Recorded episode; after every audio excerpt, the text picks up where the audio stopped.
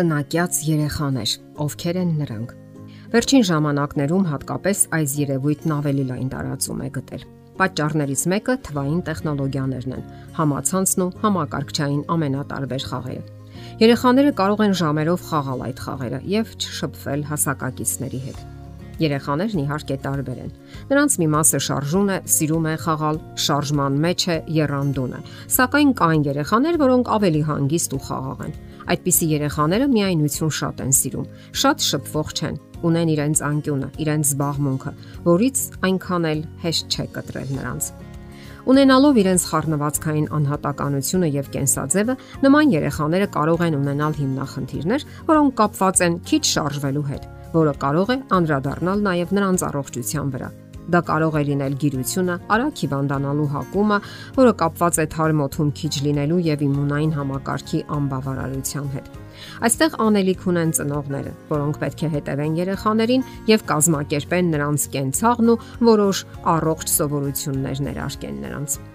Հարկավոր է ավելի հաճախ դուրս գալ փողոց թարմոտ շնչելու եւ շարժվելու Կապ չունի թե որքան ծանրաբեռնված է օրը կամ դրսում վատ եղանակ է։ Դրանք բոլորն էլ լուծելի հարցեր են։ Իսկ հա երեխայի առողջությունը կարող է տուժել։ Ժամանակի ընթացքում դա կարող է դառնալ սովորություն։ Այդ ընթացքում հարկավոր է հետաքրքիր զրույցներ վարել երեխայի հետ, եւ այդ զբոսանքները հաճելի ժամանցի կվերածվեն նրա համար։ Հարկավոր է երեխային ներգրավել հասակակիցների հետ փոխհարաբերություններում, երանդուն խաղերում։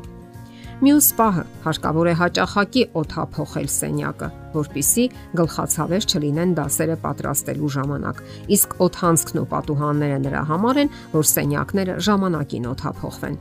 Իմիջայլոց այս խորհուրդը վերաբերում է նաև դպրոցի ուսուցիչներին։ Նրանք էլ պետք է հաճախակի օթափողեն դասասենյակները, ինչպես նաև դասամիջոցներին դուրս հravirեն երեխաներին եւ օթափողեն սենյակները, որ իրենց մեջ 30 երեխա են տեղավորել։ Դա իսկ երեխաները մի 5-10 րոպե կարող են հանգստանալ ու վազվզել դրսում, եթե եղանակային պայմանները թույլ են տալիս։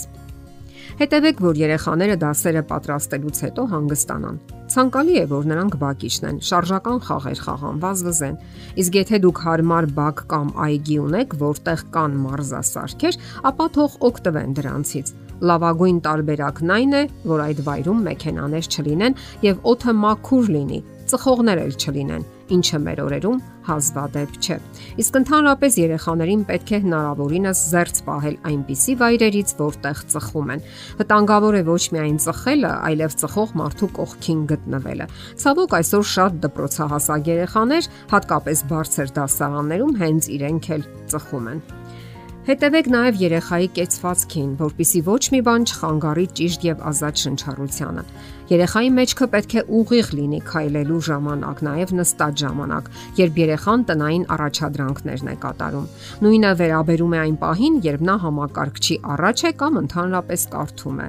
Նրան խորհուրդ տվեք, որ դպրոցում նույնպես ճիշտ նստի, որովհետև նա այնտեղ բավականին շատ ժամանակ է անցկացնում։ Հարկավոր է հետևել նաև երեխայի շնչառությանը Քիթը մարդու մարմնի կարևոր օրգաններից մեկն է։ Այն ապահովում է առողջ շնչառությունը, տաքացնելով, խոնավացնելով եւ ֆիլտրելով այն օդը, որը մենք շնչում ենք։ Վերանով շնչելը հղի է մի շարք վտանգներով։ Երեխան կարող է հիվանդանալ ֆարինգիտով, լարինգիտով, բրոնխիտով եւ այլ լուրջ հիվանդություններով։ Եթե նկատում եք, որ նա հիմնախնդիրներ ունի դրա հետ կապված, ուղղեք։ Հնարավոր է մասնագետի խորհրդատվության կարիք լինի բացառելու հնարավոր բարդությունները կապված շնչառական օրգանների հետ ամրապնդեք երեխայի իմունային համակարգը, որpիսի նա չվարակվի շնչառական հիվանդություններով տնակյաց երեխաների մոտ սովորաբար խնդիրներ լինում են կապված թարմ օթում քիչ լինելու եւ քիչ շարժվելու հետ։ Իսկ երբ երեխան արդեն հիվանդացել է հարբուխով կամ գրիպով, անպայման հետևեք նրան Երեխաները սովորաբար թեյ չեն սիրում, սակայն որևէ բուսական թեյ կարող եք տալ լիմոնով եւ մեղրով։ Իսկ ընդհանրապես աշխատեք առողջ սովորություններ դասյարակել երեխաների մեջ։ Ուշադիր եղեք, որ նա կանոնավոր նախաճաշի առավոտյան։ Օրինակ, ողջվել է, որ առավոտյան կանոնավոր նախաճաշող երեխաները ավելի ուշադիր են դպրոցում եւ ավելի լավ են սովորում։ Աշխատեք խուսափել հասարակական վայրերում վաճառվող սննդից, այսպես կոչված fast food-ից, չիփսերից, գազավորված ըմպելիքներից եւ այլն։ Կարող եք նույնիսկ ինքներդ պատրաստել որևէ ուտելիք եւ նրա հետ ուղարկել դպրոց։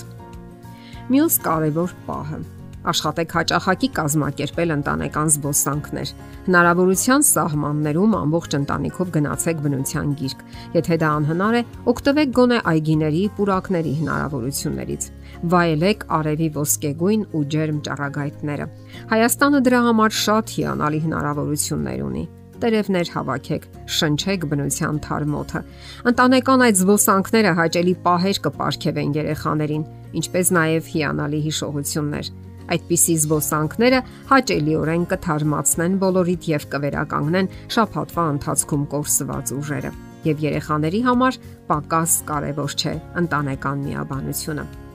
Երեխաներին սովորեցրեք փոխհարաբերության արվեստը։ Ստեղծեք հնարավորություն շփվելու, ընկերություն անելու համար Կենթանի խաղերն անհամեմատ ավելի լավ են, քան համակարգչային խաղերը միայնության մեջ։ Իսկ փոխհարաբերվելու արվեստը հարկավոր է ուսուցանել արդեն վաղ մանկությունից։ Կյանքը նաև փոխհարաբերվելու արվեստ է։ Եթերում ընտանիք հաղորդաշարներ։ Ձեզ հետ է Գեղեցիկ Մարտիրոսյանը։ Հարցերի եւ առաջարկությունների համար զանգահարել 033 87 87 87 հեռախոսահամարով։